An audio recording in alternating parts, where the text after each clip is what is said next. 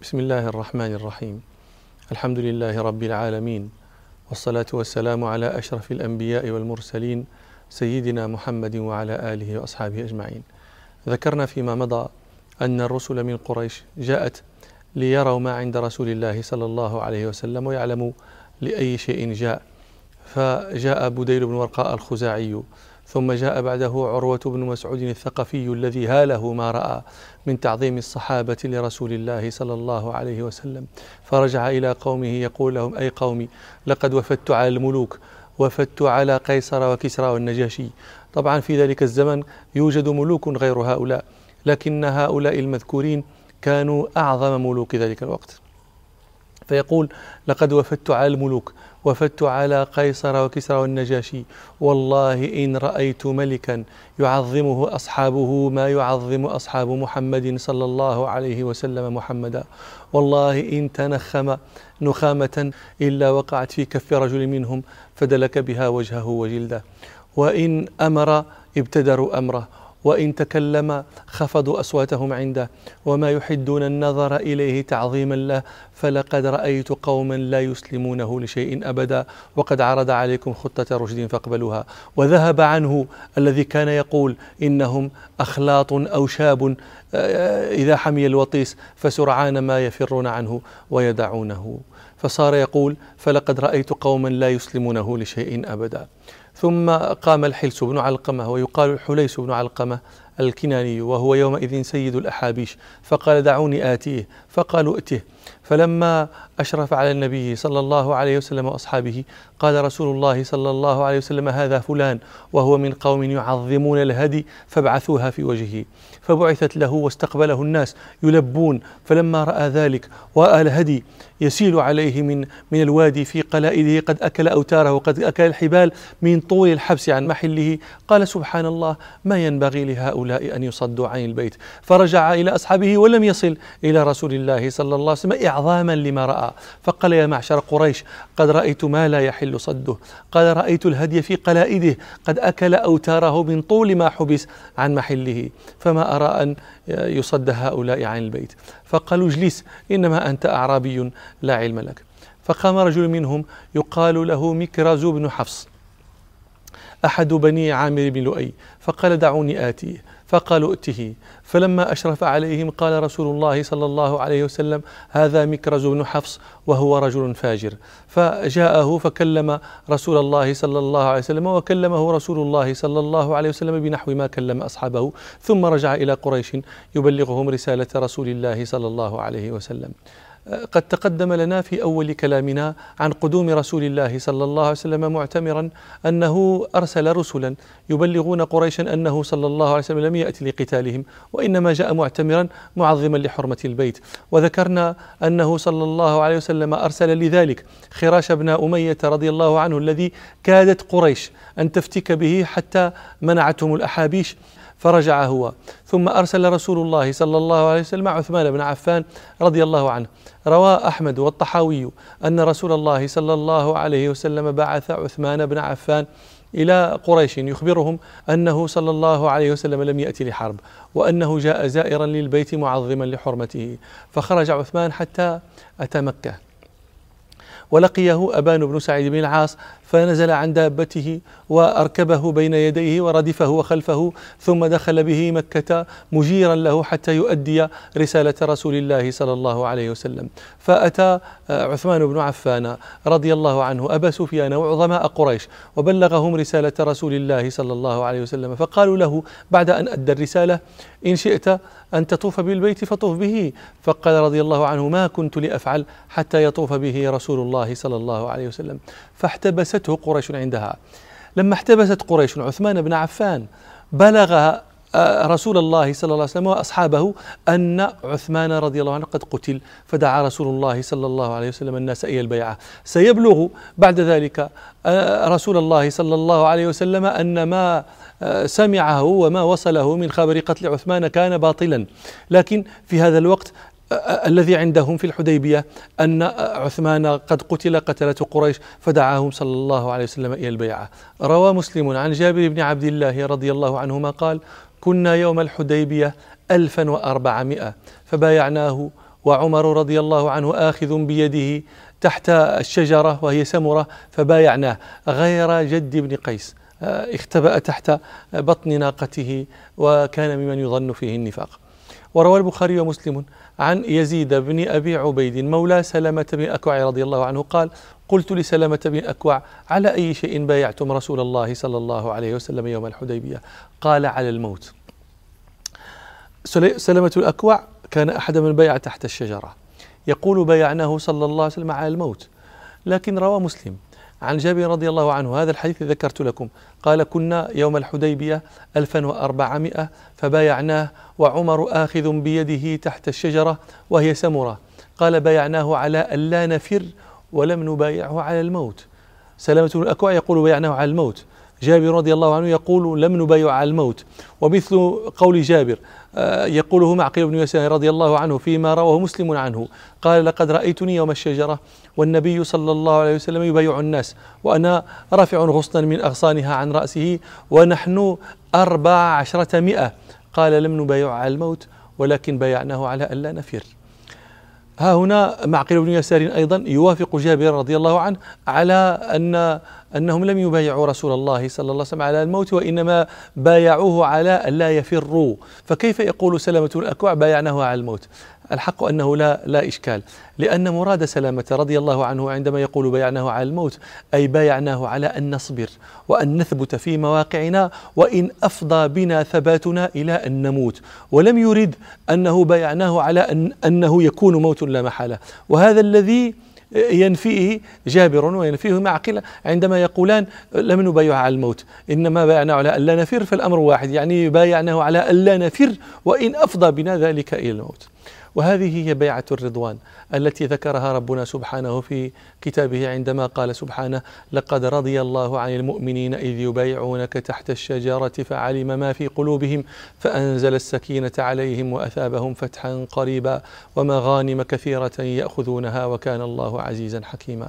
ومن ثبت له رضوان الله لا يحق عليه سخطه ابدا. وهذا أيضا نص عليه رسول الله صلى الله عليه وسلم. فقد روى مسلم في صحيحه عن جابر بن عبد الله رضي الله عنهما قال أخبرتني أم مبشر أنها سمعت النبي صلى الله عليه وسلم يقول عند حفصة لا يدخل النار إن شاء الله من أصحاب الشجرة أحد الذين بايعوا تحتها. فقالت حفصة بلى يا رسول الله. فانتهرها صلى الله عليه وسلم. فقالت له وإن منكم إلا واردها هي تستدل بهذه الآية وتستدل بعمومها فترى أن هذا العموم ينتظم أصحاب الشجرة وغيرهم. فقال لها رسول الله صلى الله عليه وسلم قد قال الله عز وجل ثم ننجي الذين اتقوا ونذر الظالمين فيها جثيا. ومثل ذلك ما رواه مسلم في صحيحه عن جابر رضي الله عنه قال جاء عبد لحاطب بن أبي بلتعة إلى رسول الله صلى الله عليه وسلم يشكو حاطبا. فقال العبد يا رسول الله لا يدخلن حاطب النار. فقال له رسول الله صلى الله عليه وسلم كذبت لا يدخلها فإنه شهد بدرا والحديبية. ولعظم شأن بيعة الرضوان وفخامة قدرها. صار الناس ينتسبون إليها عندما يذكر أحد هؤلاء المبايعين يقال فلان بن فلان من أصحاب الشجرة فلان بن فلان كان تحت السمرة فلان بن فلان من أصحاب بيعة الرضوان. فكانوا ينتسبون إليها وينسبون إليها لعظم شأنها وفخامة قدرها.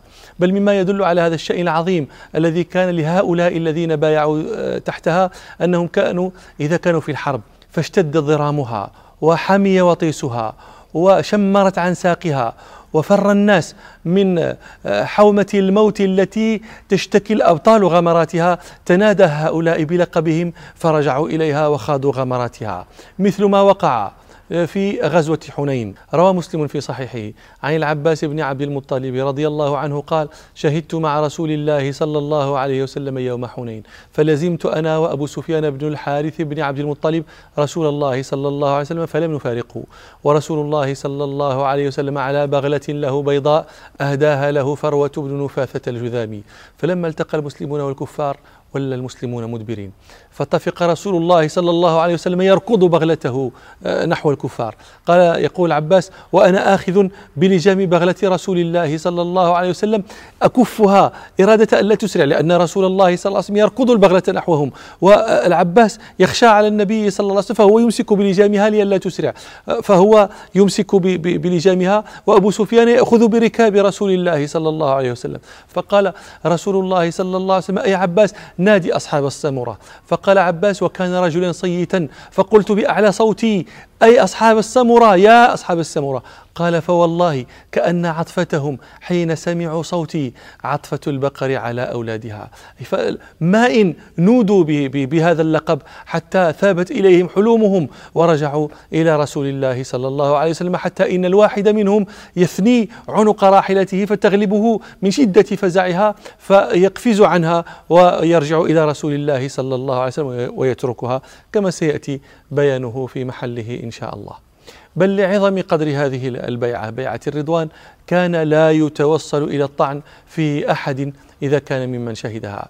يحال بينهم وبين أن يطعن فيهم. ولذلك كان من يروم أن يطعن في أحد هؤلاء الذين شهدوها يتوسل إلى ذلك يجعل وسيلة إلى ذلك آه، أن يجرده من صفته هذه. كما فعل الطاعنون على عثمان رضي الله عنه أرادوا أن يسلبوه هذه الصفة ليتأتى لهم النيل منه. كالذي رواه البخاري في صحيحه أن رجلا من أهل مصر حج البيت فرأى ناسا مجتمعين فقال سأل عنهم فقال من القوم؟ قالوا قريش. قال فمن الشيخ فيهم؟ قالوا عبد الله بن عمر. فأتاه فقال يا ابن عمر إني سائلك عن شيء فحدثني. أتعلم أن عثمان فر يوم أحد؟ فقال ابن عمر نعم. فقال أفتعلم أنه تخلف عن بدر فلم يشهدها؟ قال ابن عمر نعم. قال أتعلم أنه تغيب عن بيعة الرضوان؟ فلم يشهدها. قال نعم. قال المصري الله أكبر. ثم أراد أن ينصرف. فقال له ابن عمر تعال أبين لك. أما فراره يوم أحد فأشهد أن الله عز وجل عفى عنه وغفر له. ابن عمر رضي الله عنهما يشير إلى قول ربنا سبحانه إن الذين تولوا منكم يوم التقى الجمعان إنما استزلهم الشيطان ببعض ما كسبوا ولقد عفى الله عنهم إن الله غفور حليم. فكأن ابن عمر رضي الله عنهما يقول له إن ربه تجاوز عنه ولم يؤاخذه فكيف تؤاخذه أنت بفراره؟ قال وأما تغيبه عن بدر فإنه كانت تحته بنت رسول الله صلى الله عليه وسلم وكانت مريضة. فقال له رسول الله صلى الله عليه وسلم إن لك آه، أجر رجل ممن شهد بدرا وسهمه. لأنه هو كان يريد الخروج إلى بدر والنبي صلى الله عليه وسلم منعه وأمره أن يمكث عند زوجته ليمرضها. قال ابن عمر وأما تغيبه عن بيعة الرضوان فلو كان أحد أعز ببطن مكة من عثمان لبعثه مكانه. فبعث رسول الله صلى الله عليه وسلم عثمان وكانت بيعة الرضوان بعدما ذهب عثمان إلى مكة. فقال رسول الله صلى الله عليه وسلم بيد اليمنى هذه يد عثمان. فضرب بها صلى الله عليه وسلم على يده فقال هذه لعثمان. فكانت يد رسول الله صلى الله عليه وسلم لعثمان خيرا من يد عثمان لنفسه لو كان شاهدا بيعة الرضوان. ثم قال ابن عمر للمصري اذهب بها الآن معك.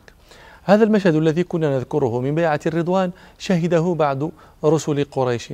فرأوا كيف آه، بايع الصحابة رسول الله صلى الله عليه وسلم على القتال حتى يفتح الله عليهم أو يموتوا. فنقلوا ذلك إلى قومهم. فأمال هذا أهل الرأي من قومهم وأصغاهم إلى الصلح مع ما قال لهم. عروة بن مسعود الثقفي رضي الله عنه حين قال لهم فلقد رأيت قوما لا يسلمونه لشيء أبدا. لكن نفرا منهم أرادوا آه، القتال وأرادوا أن لا يتم صلح فراموا أن يفتقوا فتقا آه، يفضي إلى القتال ويفوتوا الصلح.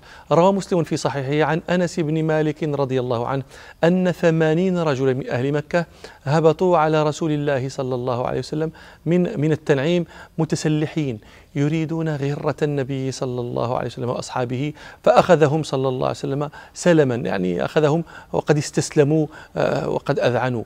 فاستحياهم صلى الله عليه وسلم أبقاهم أحياء لأنه صلى الله عليه وسلم لا يريد قتالا وإنما يريد الصلح فلا آه، يصنع النبي صلى الله عليه وسلم ما يفوته. فكان القول قول أهل الرأي فبعثوا سهيل بن عمرو أحد بني عامر بن لؤي فقالوا ائت محمدا صلى الله عليه وسلم فصالحه ولا يكون في صلحه إلا أن يرجع عنا عامه هذا فوالله لا تتحدث العرب عنا أنه دخل علينا عنوة.